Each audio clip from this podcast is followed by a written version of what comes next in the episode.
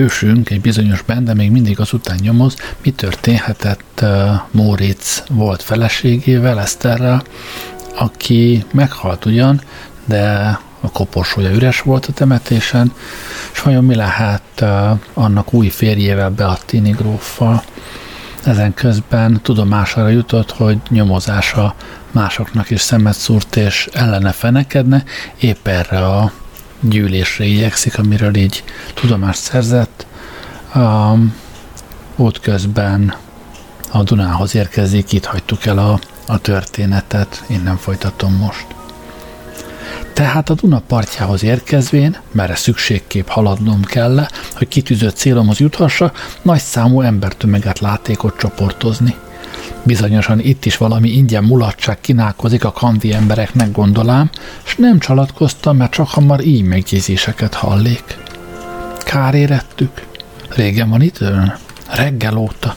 S mégsem vitték el őket? Nem bizony. Ugyan kicsodák? Nem tudom. Szörnyűség. Alig merek oda nézni. Szinte rosszul érzem magamat.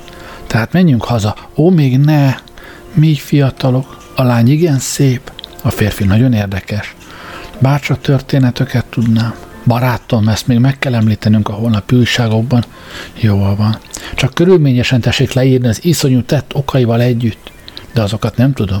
Az nem baj, gondoljon ön ki valamit, csak érdekes legyen az újdonság, ha nem való is, az mindegy. Ugyan mi volt az, mi oly nagy mértékben voná magára az ingyen mulatni szerető közönség figyelmét? Egy fiatal hölgy és férfi holteste, melyek reggel fogadtak ki a Dunából, és azóta ott hevernek. És miért nem viszik el onnan a szerencsétlenek testeit? Majd elviszik, mihelyt a nagy érdemű közönség kandisága kisé ki lesz elégítve. És kik voltak ezek a szerencsétlenek, míg az életben valána?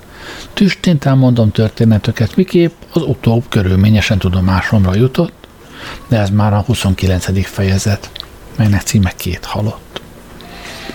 Sok balítélet, és egyszer, mint sok fonákság uralkodik a világon, és valamint sok egyéb rosszból, úgy ebből is sokkal több jutott szép hazánk részére, mint tulajdonképpen kellene. Nem akarom azokat egymás után elsorolni, mert csak karcsú füzeteket írok, nem pedig középkori vastagságú nagykönyveket. Hazánk legnagyobb ostorai közé tartozik az álhatatlanság és nagyra vágyás. Mennyire rontja ez közügyeink haladását, azt nem szükség fejtegetnem, mert hiszen annak minnyáján úgy szólván naponként élő tanúi vagyunk. Csak azt érintem tehát, mint a két nagy hiba a családi életben szokott leginkább okozni. Nálunk ám bár hazánk annyi természeti áldással bővelkedik, hogy még háromnak is eleget juttathatna, csak nem példátlan az, hogy valamely család, mely ipar és szorgalom által kitűnőleg gazdaggá lőn, sokáig maradjon vagyonának birtokában.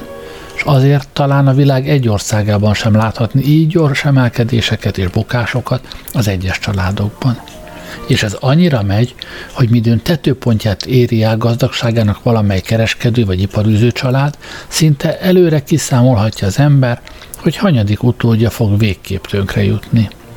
Minek kiszámítása annál könnyebb, mivel többnyire már az első közvetlen örökös szokott szegénységre jutni és ezt először az álhatatlanság okozza, mely annyira megrögzött a magyar természetben, hogy életének minden helyzetében unja magát, és csak azon kívül vél boldogságot találhatni, mely minden vágyait kielégítheti. Ehhez csatlakozik azután a nagyra vágyás, mely határt nem ismer, és alapjaiban rendíti meg a családi boldogságot. Nézzünk körül, és tapasztalni fogjuk, hogy a becsületes csizmadia mester kiszorgalma után meglehetősen jól bírja magát, világért sem adna fia kezébe mustát és szurkot, vagy bármely más mesterségi eszközt. Ó, nem! Fiának tanulnia kell, azaz minden nap négy órát iskolában vesztegelni el, hogy utóbb, mint üres fejű ügyvédke vagy tudatlan orvos nyomorogjon, és irigy szemmel tekintsen a becsületes kézművesre, ki szorgalma által nem csak szükségeit födözheti, hanem az élet több nemű kényelmeiben is részesítheti családját. Más kézműves még magasabbra lát, s tisztviselővé nevelteti fiát, azaz gyakornoknak adja valamely hivatalba, s rendkívül gyönyörködik, midőn fiát a címester is tekintetes úrnak címezgeti, és ezen örömében föl sem veszi azon kis kellemetlenséget, hogy tizenkét vagy több évig ingyen szolgálván fia ugyancsak derekasan kell ráköltenie. Utóbb az így megházasodik, s szegény tisztviselő vagy nemes ember lányát veszi nőül, hogy kézművesi származását annál hamarabb törölhesse el.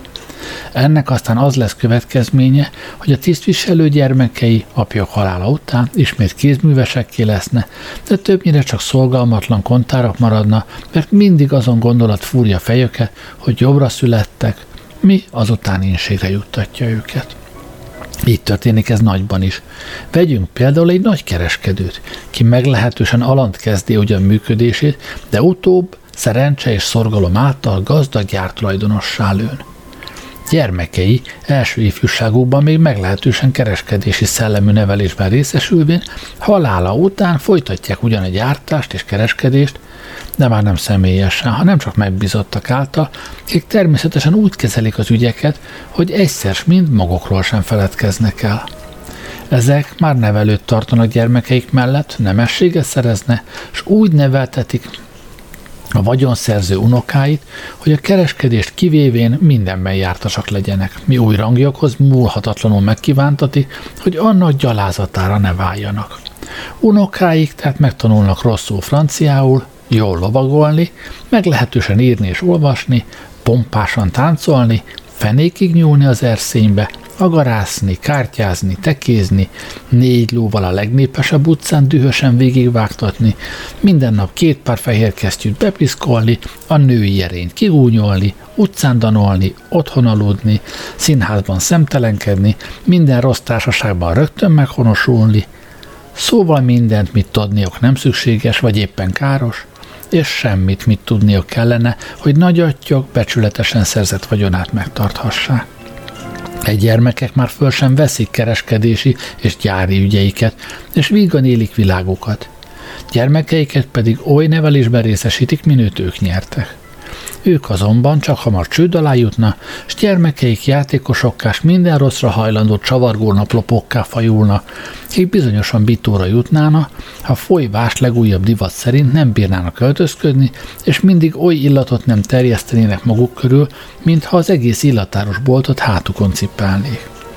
És ehhez egyszer mind oka anna, hogy hazánkban a gyárak mindig pangásban maradna, és semmi kitűnő felfedezések vagy javítások által nevezetessé nem válhatna, mert oly gyakran mennek egyik kézből a másikba, hogy a kezdőségből úgy szólván soha nem vergődhetnek ki. És ebből származik az is, hogy sok oly tisztviselő is találkozik, ki hivatalos kötelességének legtávolabbról sem bír megfelelni, mert kényes, kedve szerint növekedvén szükséges tanulmányokkal nem gazdagít MB-jét, és az iskolák átfutása után hivatalba lép, és vele számos hozzá hasonló ifjonc, kik csak könnyű táncolás által tüntetik ki magukat, mi némely helyeken szinte érdemül rovatik föl nekik. Ezek után, igen nagy lévén számuk, elzárják az utat oly művelt ifjak előtt, kik szükségben növekedtek föl, és azért minden tanulmányt lelkiismeretesen iparkodtak sajátjokká tenni, hogy maguknak becsületes és biztos jövendőt alapíthassanak. De kik a tudatlan herékkel pénzben nem bírják a versenyt kiállani, s számos évig minden élvet nélkülözve nyomorogni kényszerülne, míg végre nekik is nyílik hely, melyen a herék helyett, kik miatt annyiszor mellőztettek el, most már szorgalmasan dolgozhatnak, hogy a nyilvános ügymenetre sokak tudatlansága és hanyagsága miatt hátramaradást ne szenvedjen. Ezen sok szerencsétlenség, szinte nem kevés bűn titkos rugóját azért födén föl, staglalám kisé hosszasabban, hogy tisztelt olvasói minden baleset vagy gonosztett okairak megvizsgálásakor mindig a fönnebbi szempontokból induljanak, és fogadni mere, hogy tíz eset közül kilencszer bizonyosan igazolva tapasztalandják állításomat. Béla becsületes tisztviselő fia volt, ki oly lélekismerettel teljesíti kötelességét, hogy szorgalmának idő előtt áldozatává lett. Kora halálát az is nagy mértékben mozdítta elő, hogy hivataltól üresen maradt néhány óráját nem mulatságra, nem szórakozásra fordítá, mit különben csekély fizetése is elég hatályosan tiltott, hanem részint gyermekének gondos nevelésére használá, részint pedig megengedett magányfoglalkozásban tölti el, mely által rendes jövedelmét néhány forinttal havonként szaporíthatá. Hitvesét több évvel veszíti a halála előtt, se csapás utolsó lehállaték kínzá őt, mivel mindig magát okolá miatta. Neje ugyanis veszélyesen megbetegült, és az orvosok hosszas sikertelen kuruzslás után egyetlen mentőszerű külföldi fürdőt ajánlottak neki, miképp azt mindig rendesen tenni szokták, midőn a tudomány korlátoltsága nem bír többé a bajnak hatalmával sikeresen megküzdeni. De ugyan miképp teljesíthetne szegény tisztviselő így tanácsot, midőn már akkor is szükséget szenved, mikor 30 helyett 31 napból áll a hónap. Béla tehát elveszté szüleit, és gyámol nélkül állott a nagyvilágban, mint kezdő tisztviselő, s oly csekély díja, hogy magát s két kisebb testvérét csak éjjel-nappali folytonos munka által bírá az éhhaláltól megmenteni. De ő mindezt zúgolódás nélkül tűrte, mert közel állott az előléptetéshez, mellőztetésre pedig nem vélt tarthatni, miután kötelességét mindenkor pontosan teljesíti, és e fölött még atyai érdemei is hangosan szólottak mellette nyomorúságának közepette maradt vigasztalás és öröm nélkül, mert szeretett. Szeretett ifjúsága első oldhatatlan hevével, mert a szerelem hatalma a szegénynek szívén is erőt vesz. Emília ez érzelmet forrón viszonzá, és a boldogító viszony egy évig tartott már, anélkül, hogy csak egyszer is felhőborította volna tiszta szerelmük egét. Ám de ezen év után annál pusztítóban kezdte fölöttük a förgeteg viharzani. Béla elmellőztetett előjárósága által, mégpedig oly bangó miatt, kinek munkáját többnyire Béla végzi. Emilia anyja, ki férjekereskedését folytatta, mely mintegy tízezer forintot érhetett, kitélte őt ekkor házából, s lánya kezét egy hasonló vagyonú özvegy kalmárnak ígérte. Nem akarom a két szerelmes fájdalmait leírni, mert ki valaha szeretett, az biztosan szó nélkül is tudja azokat méltánylani, ki pedig nem, annak számára éveket is hiában töltenék be. Hiában ostromlák az anya szívét, ez csak számolt, mi miatt a közéletben nem is kárhoztatni őt, mert abban nem szabad felednünk, hogy a regényes szalma kunyhók ideje elmúlt, és hogy napjainkban boldog házassághoz szerelmen kívül még pénz is kívántatik. Végre oda nyilatkozott az anya, ki lányát szerette, és örömes boldogította volna, hogy készült Bélának adni, ha négyezer forintnyi nász ajándékot képes előmutatni, mennyit az özvegy kalmár ígért, és mennyit lánya jövendőjének biztosítására elkerülhetetlenül szükségesnek tartott. Erre három napnyi határidőt szabott, ellenkező esetben két hétre tűzvén ki a mennyegzőt a kalmárral. Béla kétségbeeséssel küzdve távozik, és kedvesétől egy nagy gyakorlattal ellátott ügyvédhez siete, ahol üres óráiban kevés fizetésért sokat dolgozott. Gondolatai tervről tervre szállotta, de nem akadtak olyanra, mely őt szomorú helyzetéből kiragadhatta volna. Két nap telt el így kínos habozás között, és a harmadik is felvírat, mely életének legszebb reményét örökre eltemetni készült. Ami most történt, azt lehetőségig röviden mondom el, mert nem akarom a bűnt menteni vagy szépíteni. Béla az említett gazdag ügyvéd nevére hamis váltót koholt, és a kívánt pénzösszeget kedvese anyjának átadá, biztosan remélvén, hogy mennyegzője után lesz majd annyi hitele, melynél fogva a hamis váltókat határidejök lejárása előtt kifizetheti, és így óhajtott boldogságához juthat, anélkül, hogy valódi és következményes csalást követett volna el. Ő legalább így okoskodott. A menyegzőre azonban azonnal készületek tétette, és a boldog szerelmesek örömben úsztak, szerencséjük tetőpontjáról azonban csak hamar iszonyú örvénybe buktak. Egy nagy kereskedő tönkre jutott oktalan fényűzés és pazarlása által, és az Emilia anyját koldússá tette. Béla nász ajándéka is elveszett. Nem gyanítják még nyájas olvasóim kicsoda azon két halott, kik a Duna hullámaiból fogadtak ki? Béla és Emília. Amaz becsületét, ez pedig kedvesét nem akarta túlélni.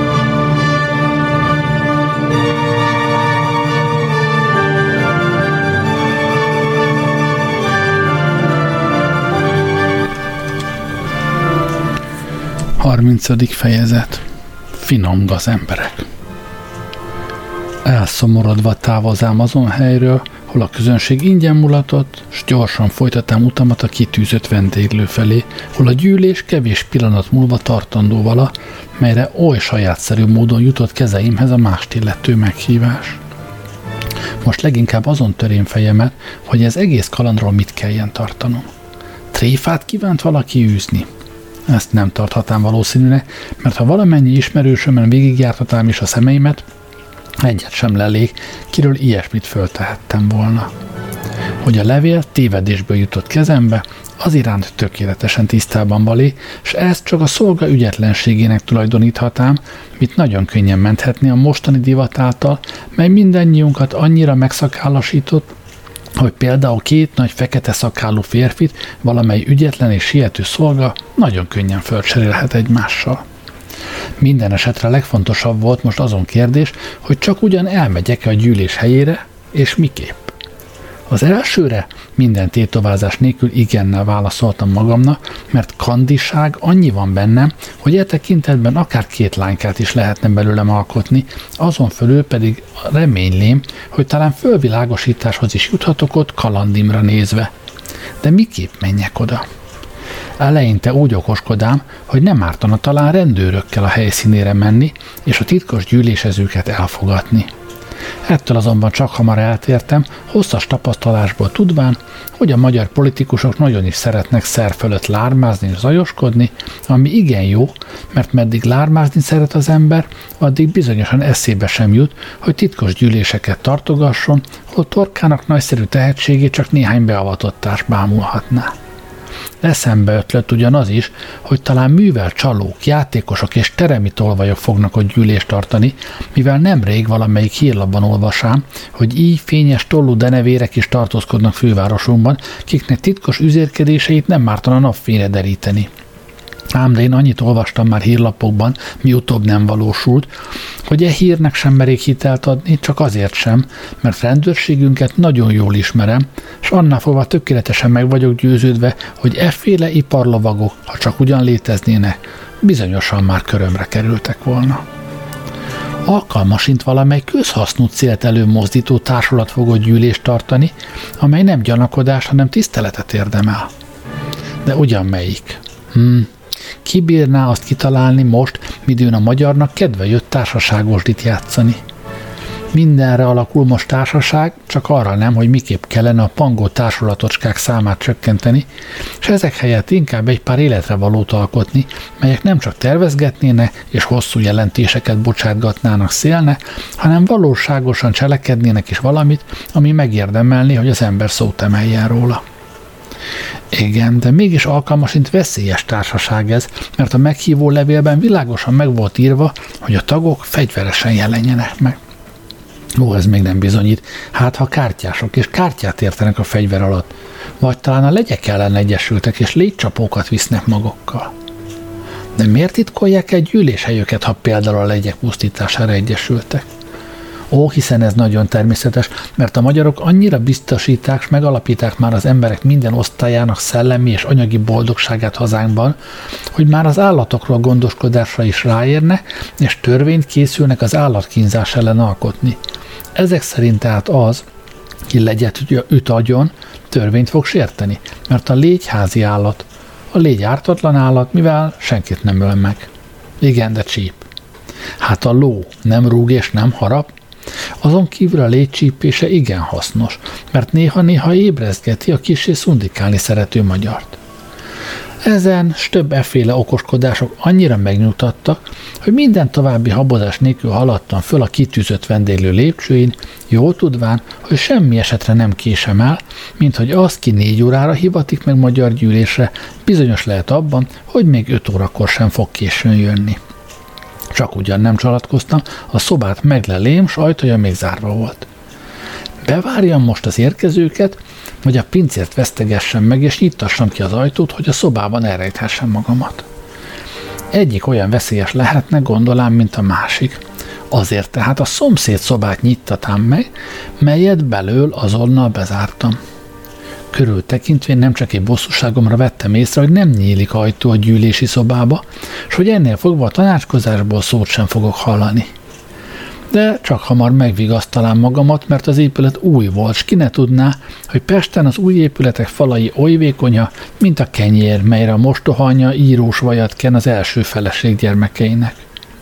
Én legalább tudtam-e titkot, és azért bíztam a szerencsében, és nyugodtan várám a történendő nagyszerű eseményeket annál, annyival is inkább, mert azt is tudtam, hogy magyar gyűléseken gyakran mindent kímélnek ugyan, mi gyűléseken kímélni nem kellene, de torkokat és tüdőket soha. Alig telt el néhány pillanat, és a mellékszoba ajtaját nyitni hallám. A belépő azonnal mély, férfias hangon normából kezdte énekelni, és erre tökéletesen megnyugodtam, mert azt mondják, kerüld azt ki a dalt, nem szereti. Ez szerint igen természetes, hogy mindazok, akik énekelnek, egyszer mind becsületes emberek. Ehhez hasonló okoskodást legalább eleget olvashatni a német bölcsészek legújabb munkáiban. Csak hamar egymás után többen is érkeztek, s fél óra alatt, mennyire az ajtó nyitásból ítélheti, mint egy húsz társulati tag gyűlt össze – Darab ideig zavart beszéd hangzott, melyből csak egy-két szót érthették, minek semmi föltűnő magyarázatot nem adhattam. Aztán csönd lett, csak egy férfi, talán az elnök beszél, de oly csöndesen, hogy szót sem érthettem.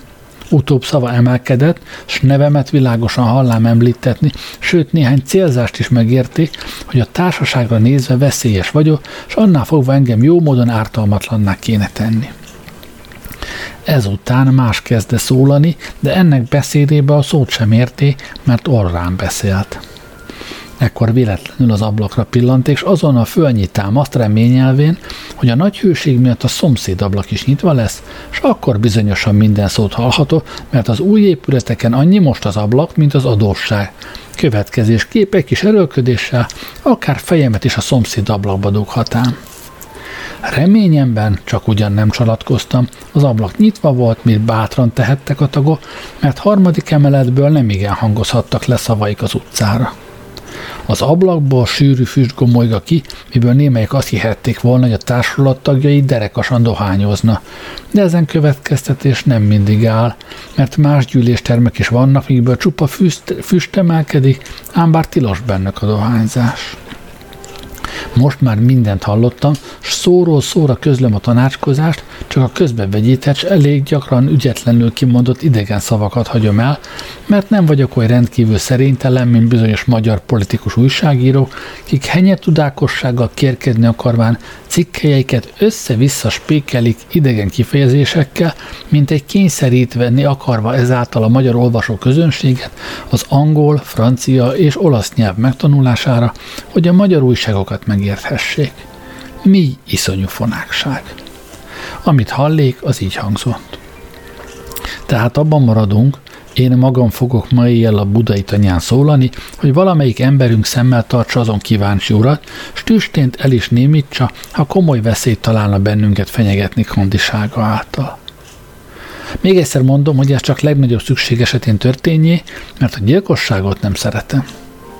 Legyen ön nyugodt, én sem akarom nyakamat ok nélkül veszélyeztetni, de rendkívül elővigyázatra van szükségünk, mert most már a hírlapok is mindent kifürkésznek és dobra ütnek. Legalább addig ne jussanak nyomunkba, míg a halálbüntetés divatban van. Ha egyszer azt eltörölték, aztán Isten neki. Kényelmes palota börtönben könnyen elmélkedhetik az ember a földi örömök múlandóságáról. Nekem az elnök hangja ismerősnek tetszik, én azt már minden esetre hallottam ha most ismét szól, hogy megy az üzérkedés. A tegnapi nagy estélyen két igen becses karperecet találta. Én a Magyar Színházban üríték ki néhány zsebet. Mindjárt gondoltam, hogy ön volt az, kiről egy magyar hírlap szólott. Sok bajomba került, még kiszabadulhattam azok körmeik közül, kik elfogta, de nem is megyek többé a Magyar Színházba. E kis baj miatt? Nem, hanem azért, mert többnyire csak egy pár huszast lelek az erszényekben a németben pedig annyit sem fogjon leállni. És ön? Én a játékasztalak körül működtem, és egy pár órát szereztem. Én egy barátom, én és egy barátom egy négy lovas parasztszekérrel hajtottam el, míg kocsisa a csapszékben indogált. Hol a kocsi? Minden este eladtuk Óbudán. Helyes. Gary, én csak kártyákkal működtem x termeiben, ha rendesen nagyon sok pesgőt iszna, és a játéknál rosszul látnak. Elnök úr, mielőtt tovább haladnánk, egy kérdésem van. Tessék, miért nem kaptam én meghívót a mai gyűlésünkre? Nem kapott ön? Nem. Csodálatos, hiszen láttam ön déltájban a szervita téren. Ott voltam. Én a samat is láttam önhöz közelíteni. Én nem láttam őt, pedig ő mondá, hogy átadta a levelet. Úgy másnak adta. Ez szörnyű tévedés. E szók után minnyáján fölkeltek, össze-vissza beszélte, és én csak az elnöke szavait érthetém. Minnyáján változtassák meg önök szállásukat, és legalább három napig semmihez ne nyúljanak. Már rendőrségért akarék sietni, mielőtt a gyönyörű gyűlés eloszlané, de pillanatban a szomszéd ablakból egy fej bukkant ki, és én akaratlanul hangosan fölkiáltottam. Azon fej, Dalmer bárói volt, ki rögtön visszaránta a fejét, és rémülve kiállta. El vagyunk árultatva. De hang az elnöké és Beattini grófé volt. Dalmer és Beattini, tehát két ördög egy személyben. Merevülten állék egy pillanatig az ablak előtt, de csak hamar feleszmélék, ismét és az ajtóhoz rohantam, de nem bírám fölnyitni. Minden erőlködésem hasztalan volt, kívülről erős kezek tarták az ajtót. Dühömben lélegzetem elakadt, kiáltani akarék, s nyelven megtagadá tőlem a szolgálatot, mintha nehéz álom terhelte volna lelkemet. Végre egész erőmet összeszedém és gyilkos kiálté, s rendkívüli erőmnek csak ugyan sikerült az ajtót kirántani. A mellékterem és lépcső azonban már üres volt. És most láttam, hogy ajtóm lakat kapcsán kendő volt áthúzva, melyel a távozó gazemberek ajtómat bekötözék. Mohón tekintém meg a kendő sarkait, de nevet nem találtam. Eleinte vendégfogadóst akartam kérdőre vonni, utóbb az illető helyeken kívántam jelentést tenni, de végre is abban állapodtam meg, hogy nagy zaj által ez ügyben nem érhetek célt, hanem sokkal inkább úgy, ha saját erőmben bízom és úgy cselekszem, miképp azt a körülmények időről időre kívánni fogják, mitől most már annyival is inkább bírhattam legjobban sikerülő eredményt reméleni, mivel a fő szemét ismerém. És ha több, körülmény, és több körülményt hallottam, mint alkalmilag hasznomra fordíthattam, ezen kívül pedig most már egy kis személyes bosszú is vegyült eddigi puszta kalandvágyamhoz.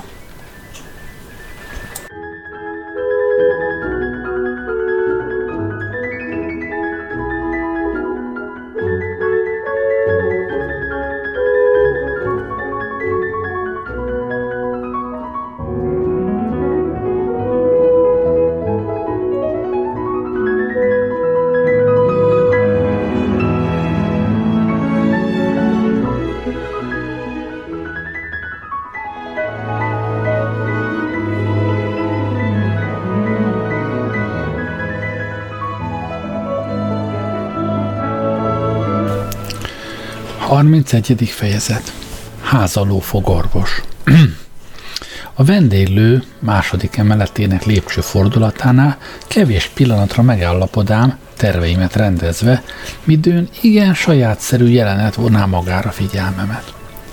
A folyosó távolabb szobáinak egyikéből két igen pompás termetű agár lépett ki, melyek soványságával néhány cédula hordozót és elcsigázott bérkocsis lovat kivévén bizonyosan senki sem mérkőzhetett volna Budapesten. S mély rugalmasak valának büszke lépéseik, én nem bírok ugyan annyi közhasznú ismerettel, hogy az agarak jelességeiről alapos ítéletet mernék mondani, de mégis meg vagyok győződve, hogy ezen nemes állatok szerencsésen pályáztak már valamely agarászaton, és jutalmat is nyertek, vagy legalábbis nyerhettek volna. Fejöket büszkén hordozá, s nyájas meghittséggel, sőt mondhatnám, leereszkedéssel tekintének néha vissza urokra, ilyenkor mindig egyet billentve szeszélyes alkotású hosszú farkukkal, mint egy tudatni akarván vele, hogy megvannak maga viseletével elégedve. A szép agara boldog tulajdonosa nyomban követte őket. Fejét arany prémezetű vörös bársony sipka födé, mi azt tanúsítá, hogy útra méltóztatik menni a tekintetes nagyságos úr. Őszbe csavarodott, bozontos szemöldei alatt nyugvó nagy szemei édes és büszke elégültséggel tekintének a gyönyörű állatokra, minden hazafiú törekvéseinek ezen közhasznú középpontjára, s ajkai bizonyosan kégyítasan mosolyogtak volna, ha az így mindennapjas kifejezést méltóságához illőnek tarthatná, és ha azt különben is kényelmetlen működése nem tenné rendkívül kényelmetlen működésé nem tenni a rendkívül súlyos pipa, melynek mulandó füstje mély sóhajt ugrat ki az uraság domború melléből, mert arra emlékezteti őt, hogy egykor e nagybecsű agaraknak is ki, egykor e nagybecsű agaraknak is ki kell múlniok mely iszonyú gondolatnál egyedül az vigasztalja őt némileg, hogy az agarak még fiatalok, ő ellenben már megette kenyerének javát, és így alkalmasint ők fogják őt nyugó, nyugó helyre kísérni. Ez volt egyetlen óhajtás az utolsó nagy jégeső óta, mikor ugyanis azt kívánta, bár az egész vidéken terjedne el, hogy neki kevesebb jusson belőle. Nemes testét porköpönyek fedé, melyről semmi érdekes nem mondható, s lábait sárga papucs takará jeléül, hogy a kényelmet nagyon szereti. Kezeiben jól ellátott kostököt és szükségben segítő botot emelt. A lépcső felől egészen más szőrű ember közelíte hozzá, annyira meggörbített háttal, mintha macska volna, és éppen kutyára bőrzenkedni, és oly rettentően csoszogó lépésekkel, mintha éppen keringőzni készülne. Pislogó szemei örökös táncot jártak a kék szemüveg mögött, hosszú, hegyes orra mindig mozgott, mintha azzal is bókocskákat akarna csapni. Szája oly édesen mosolygott, mintha hónap számra mindig vadalmát rágna, s gyűrűs ujjai szünet nélkül oly mozgásban vannak, mintha a levegőben rögtön zongorázni akarna. Öltözete divatos és finom, de mégis idegenkedni látszik testétől, s kellemetlen ráncokat képez, mintha érezni, hogy tulajdonosa nem méltó így arszláni a öltözethez.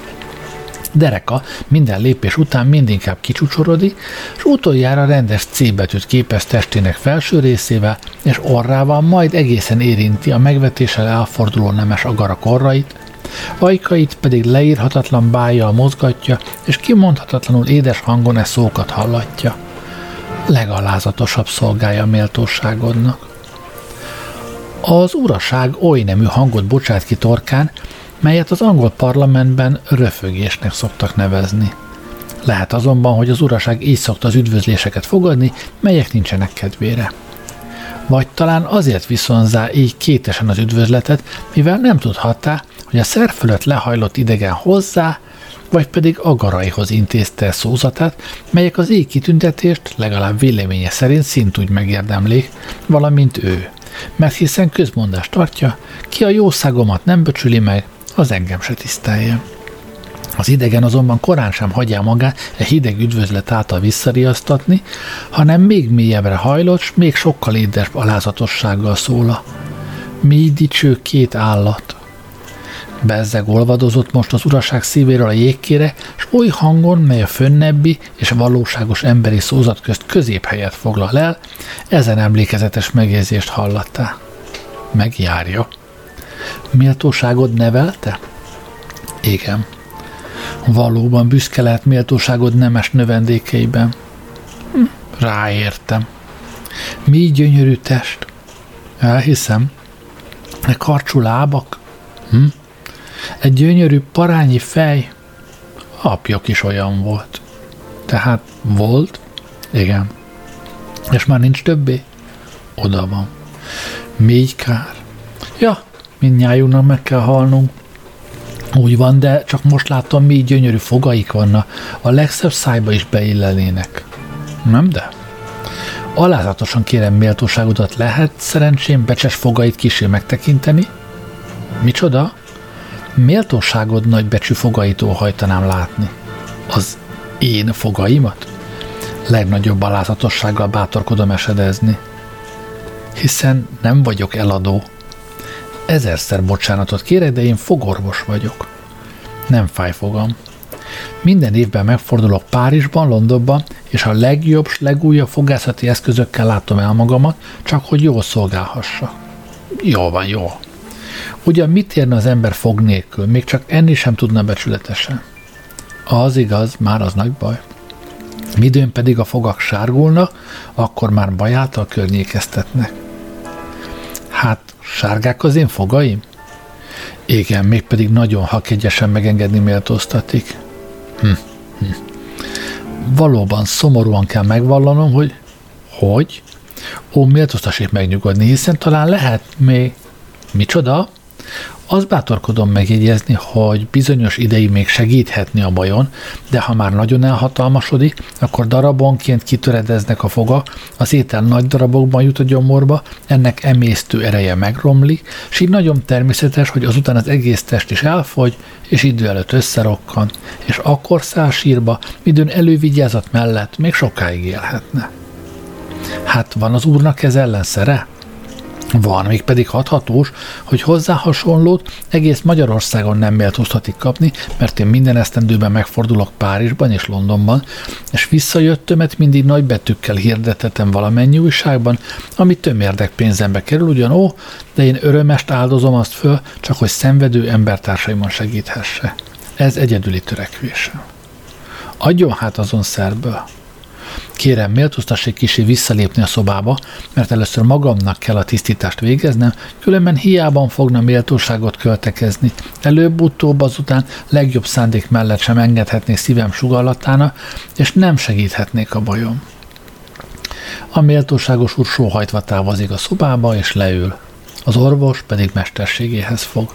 Számtalan aprós, nagyobb üvegcsét rak az asztalra, és ezeket ismét minden színű porokkal állítja körül, és legkülönbözőbb alakú kefékkel, s vakaróeszközökkel halmoz el az asztal többi részeit, frakja ujját fölgyűri, és munkához fog. A szegény, méltóságos úr borsónyi csöppeket szül izzad rémületében, s a nemes agarak aggályos tekintettel méregetik szerencsétlen urokat és a fürgén működő fogorvos, mintha attól tartanána, hogy saját fényes fogaik is kínpadra fognak jutni. Ez alatt nagy bőbeszédűséggel mulattatja türelmes áldozatát a derék fogász, és a többi közt ezt mondja – Becsületemre mondom, méltóságos uram, alig van ember Budapesten, ki poraimat, vizeimet vagy keféimet nem használja, mert én mindent egyenesen Párizsból és Londonból hozok. Miképp azt rendesen tudatni szoktam, mindig hírlapok útján a nagy értelmű tisztelt közönséggel. Hát még fogaim, méltóztassék kegyesen elhinni, méltóságos uram, hogy nem állítok sokat, mint ön azt mondom, hogy Budapesten sok ember költi és használja ugyan más pénzét, de mégis többen használják az én valóságos angol zománc és valódi vízilófogaimat. Micsoda? Lófogakat is?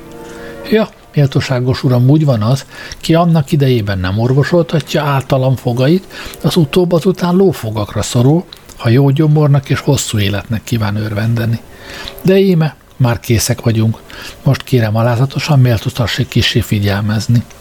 Ezen vörös porra reggel méltóztassék fogai dörzsölni, ebéd után egy sárga port és zöldes vizet tessék használni, a lefekvés előtt pedig ezen fekete port és fehér vizet. S fogadom, hogy valamennyi fogát épségben méltóztatik magas őseinek sírboltjába vinni. Mindegyik szerből három üvegcsével méltóztassik magával vinni, hogy hamar ki ne fogjon. Így most még csak e hat fogkefét adom hozzá, ezeket külön csupán számomra egy párizsi művész készíti.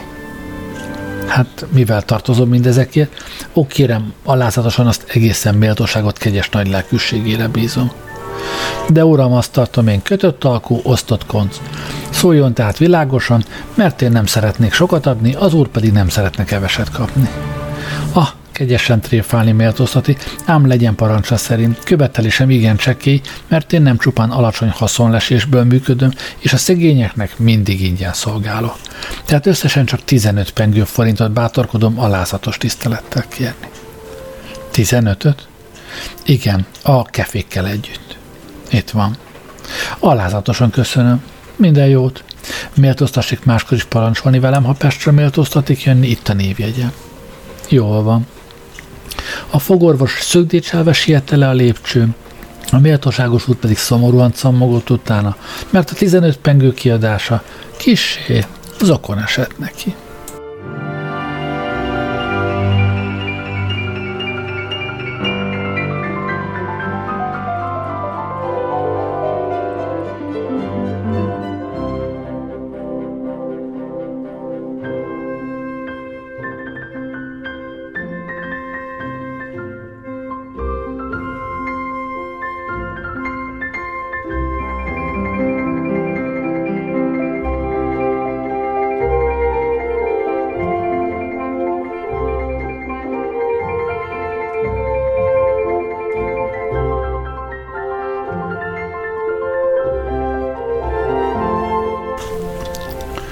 32. fejezet Nyúlvásár a fönnebbi mulatságos jelenet annyira földerite, hogy oly vígan hagyjám el a vendéglőt, mintha táncmulatságból, s nem oly helyről jönni, hol annyira, mennyire életem ellen esküdtek össze oly embere, kiktől valóban könnyen kitelhetett, hogy fenyegetéseiket tettel valósítsák.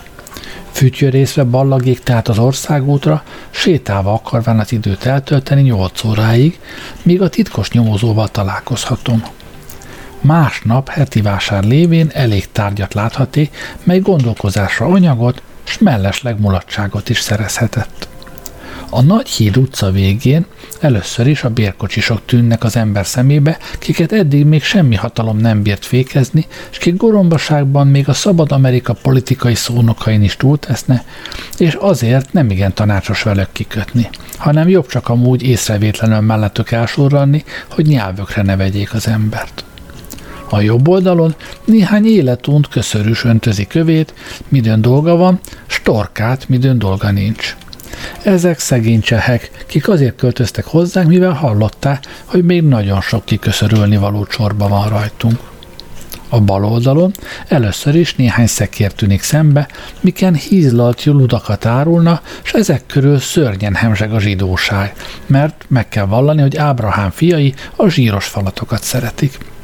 Ezek azonban minnyáján nem vásárolna, hanem rendesen három osztályra szakadnak. Vannak tudnilik olyanok, kik hosszú alkodozás után csak ugyan vásárolnak. Vannak, kik azon iparkodnak, hogy pénz nélkül juthassanak lúthúshoz, és vannak, kik oly nagyon megnézik a derékkövér állatokat, hogy végre szinte elhitetik magukkal, miképp már annyira jól laktak velő, hogy nekik bizonyosan ingyen sem kellene ma már többé lúthús. A házak alatti boltokban ócskaságokat árulnak a zsidó lomkalmárok, kiknél mindent kaphat az ember, elég drágán ugyan, de rendkívül silány állapotban. Hát ezen nagy házban miért megy annyi mindenkorú zsidó? Mindjárt meghalljuk, ha ezen öreg zsidó és fia beszélgetésére figyelmezünk. Dávid fia, tessék, megnedvesítetted már a gyapjút, hogy többet nyomjon? Igen. Kevertél a kávé közé kavicsot? Igen. Adták ki likas húszast? Kettőt egy parasztnak. Kiszedted az állókba kapott gyűrűből a gyémántokat? Igen, és csekköveket raktam helyökbe. Kevertél a paprikába téglaport? Igen. Jól van, jár hát a zsinagógába. Vannak, kik az efféléket kvékerektől szeretik mesélni, de menjenek csak az országútra, s fogadom, hogy szinte minden héten fognak hasonló kérdéseket és válaszokat hallani. Ha tovább halad az ember, jobbról a roppannasságú laktanya mellett kell elvonulnia, melyben a magyar katonák némán farkas szemet néznek egymással, az olaszok énekelnek, a csehek pedig alusznak. Egy csöppet megint helyezzük el magunkban, hogy hol vagyunk. Ugye a Nagyhíd utca felől érkezett hősünk, a Nagyhíd utca az a mai Deák Ferenc utca, ami um, hát a Calvin térre vezet ki, ez a, a hú, milyen szállónak is hívják manapság. Na mindegy, amelyik a régen a, a rendőrség, a, a budapesti rendőrfőkapitányság épülete volt, a, ott ér ki a Calvin tér, és ott jobbra fordulva azt mondja, hogy egy hatalmas laktanya mellett vonul el. Na most ez a laktanya, ez a mai városháza épülete, amelyik hát ugye a, a Városháza utcától uh, egészen kér a mai uh, Károly körútig, vagy, vagy nem Károly körútnak hívják, Madács körútnak hívják talán, a, azt a szakaszt, a, ugye ott szembe a, az Örkény Színházzal, tehát e, erről a laktanya épületről beszél, amelyik ma a budapesti városháza. Ezután azon hely következik, ahol nem igen régen német tanult lovak és művészek működtek, a lovak nagyon fiatalok, a művészek és művésznők pedig már öregek voltak, és így nem csoda, hogy bódéjuk megégett, mert ügyességük hiányát mindig lőporral és tűzijátékkal iparkodtak pótolni, éppen mint némely korlátolt tehetségű politikusok, kik észfegyvere helyett tüzeléssel vélnek az óhajtott célhoz jutni. Innen néhány lépésnyire két igen nevezetes épületet láthatni, tudnélik az Rínyi vendéglőt és a Nemzeti Színházat, köztük pedig tömérdek port. A Nemzeti Színház, ugye erről már volt szó, az a, a mai Asztóriához érkezett el hősünk, az Asztóriánál az a szép nagy üveg épület, ami a, volt Nemzeti Színház helyén áll, amelyiken túl ugye ma már a, a, az egyetem épületei vannak, ami régen a, a természettudományi kar volt. Tehát a, azon az oldalon, ahogy a, a Madács körül, körút felől érkezünk, a, túloldalon, a bal oldalon van a, a Nemzeti Színház, és vele szemben, hát ma ott talán valamilyen McDonald's, vagy valami ilyesmi van a, az Astoria színház alja, az Astoria uh, szálloda aljában. Az Astoria szálloda helyén volt a Zrínyi vendéglő szemben a színházzal. És a köztük pedig temérdek por, ez arra utal, hogy hát akkoriban ugye az utak még nem voltak leaszfaltozva, vagy ilyesmi dolgokkal ellátva, hát a földút volt ez. Igen különös, hogy ez az rínyi, mely a szökött katona által oly nevezetessé lett, mint a bátori csizmája, sokban mind a magyar, mind a német színházhoz hasonlít. Itt példa, így például, itt a mulatság gyakran nagyon hangos, a magyar színházban is, így gyakran verekedés történik, a német színházban is. Itt sok trágár beszéd tartatik, a magyar színházban is. Itt a világítás rossz, a lég bűzhött, és minden piszkos a német színházban is. Itt a pincérek nem tudják kötelességüket, némely magyar színészek nem tudják szerepeiket. Itt a dőzsülők rekedtek a sok ordítástól, a német színházban az énekesek szinte rekedtek. Itt sokan azt mondják Ausreiben, a magyar színházban az sok kritikus nem mondja ugyan, de mégsem fizet. Itt sok keresztény csavargó fordul meg, a német színházi karzaton sok házaló zsidó üti fel trónját. Itt számos idegen zsebelő működik, a magyar színházból idegen művészek viszik el a pénzt.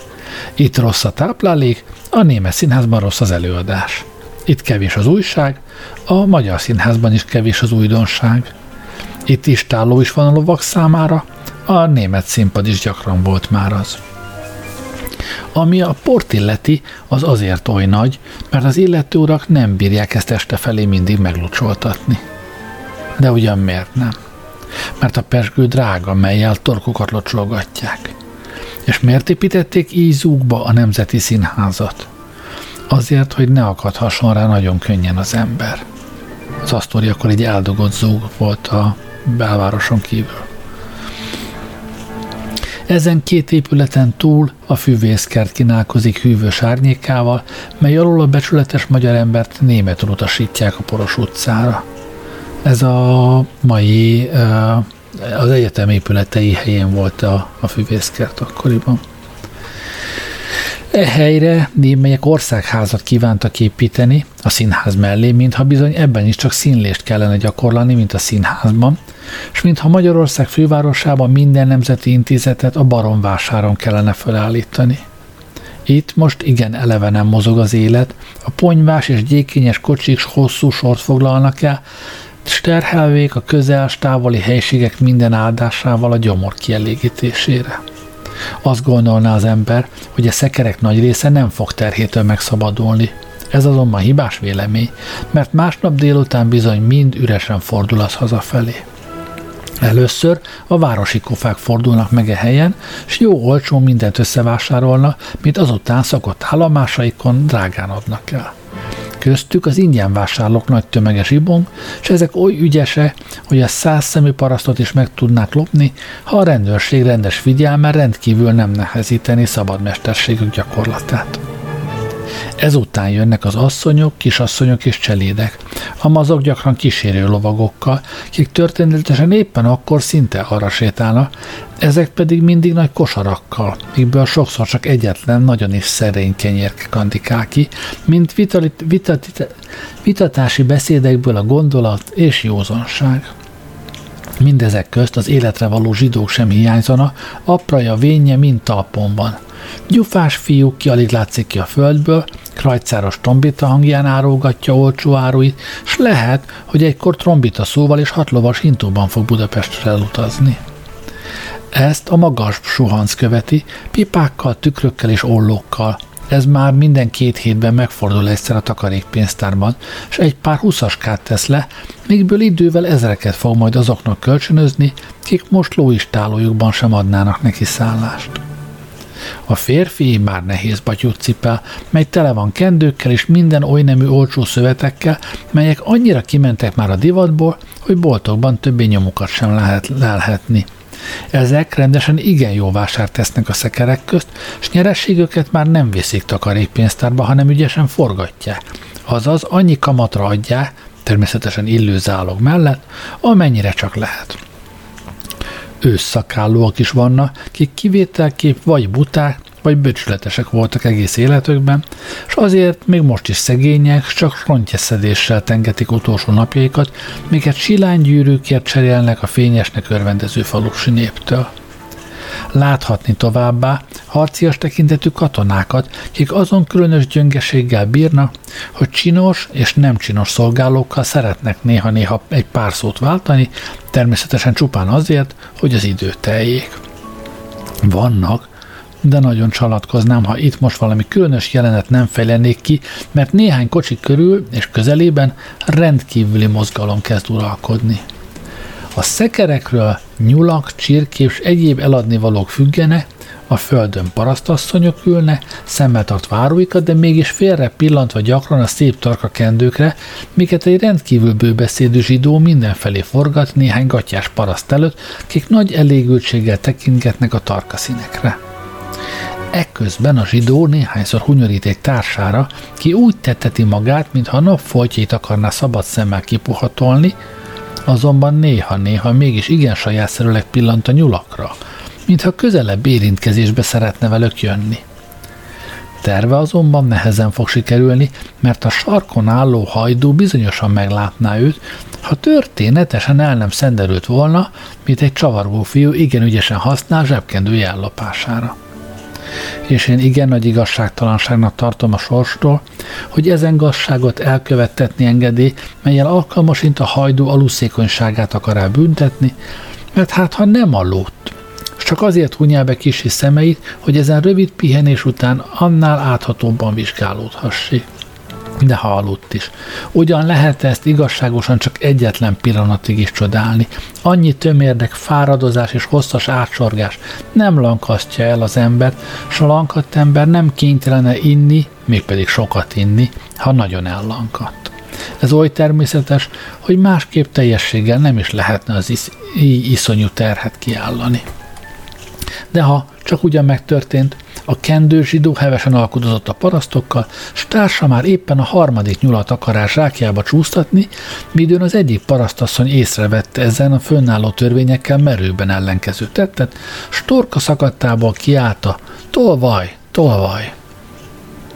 És hát innen fogjuk folytatni, de nem a jövő héten, mert a jövő héten karácsony van, úgyhogy hát ezt vagy vagy szilveszterkor folytatom, vagy az utána következő héten. Most addig is köszönöm, hogy velem voltatok ma este. Jó éjszakát kívánok, Gerlei Rádiózott.